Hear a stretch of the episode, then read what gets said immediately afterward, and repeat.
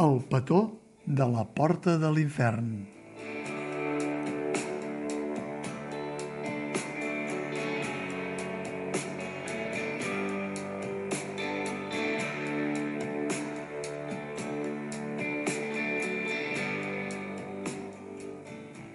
Aquests dies tèrbols per a la política s'ha popularitzat una imatge dels perspicaços fotoperiodistes, honorables descendents dels primers paparazzi, que van caçar el president i la vicepresidenta del govern espanyol de coalició en una postura petonera que, treta de context i sense l'auditori al seu voltant, és de les que fan història.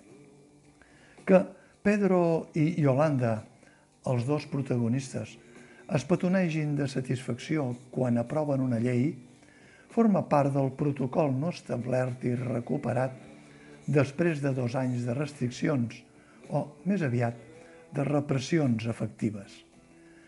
Que ho faci el número 1 d'un partit amb la número 1 d'un altre partit que, malgrat la coalició, són adversaris, ja posa més en dubte l'efecte efectiu de l'esmentat petó. Però la imatge porta una altra reflexió.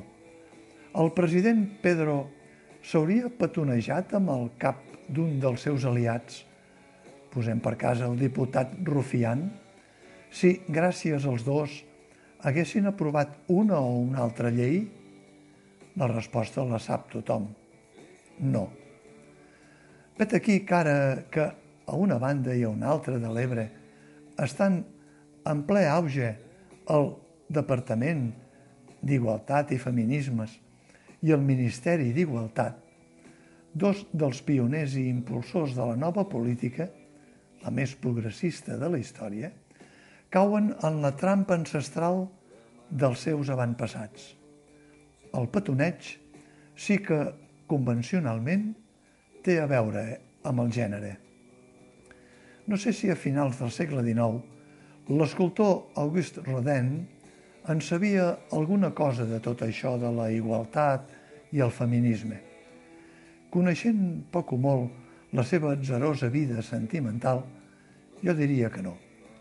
L'autor de la coneguda escultura titulada per boca orella popular El Petó, va immortalitzar per a la posteritat en Paolo i la Francesca, dos personatges extrets del quadre de la Divina Comèdia de Dante Alighieri, que, quan van ser sorpresos infraganti petonejant-se pel marit banyut de la Francesca, els van condemnar a rondar eternament per les tenebres de l'infern.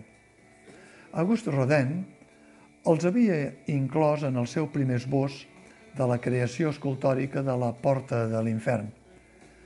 Tornant a la imatge actual de Pedro i Yolanda, només cal esperar que, tenint en compte que la política és cruel, com va passar amb Paolo i Francesca de la Divina Comèdia, no acabin com dues figures de marbre en qualsevol museu de la història.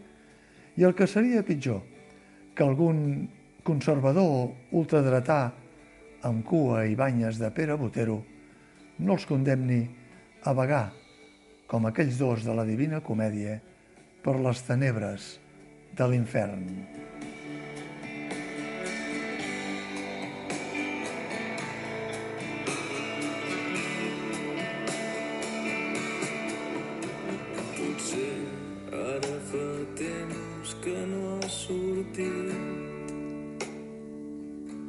Porto a dins però porto a dins porto a dins. Però ho porto a dins. Però ho porto a dins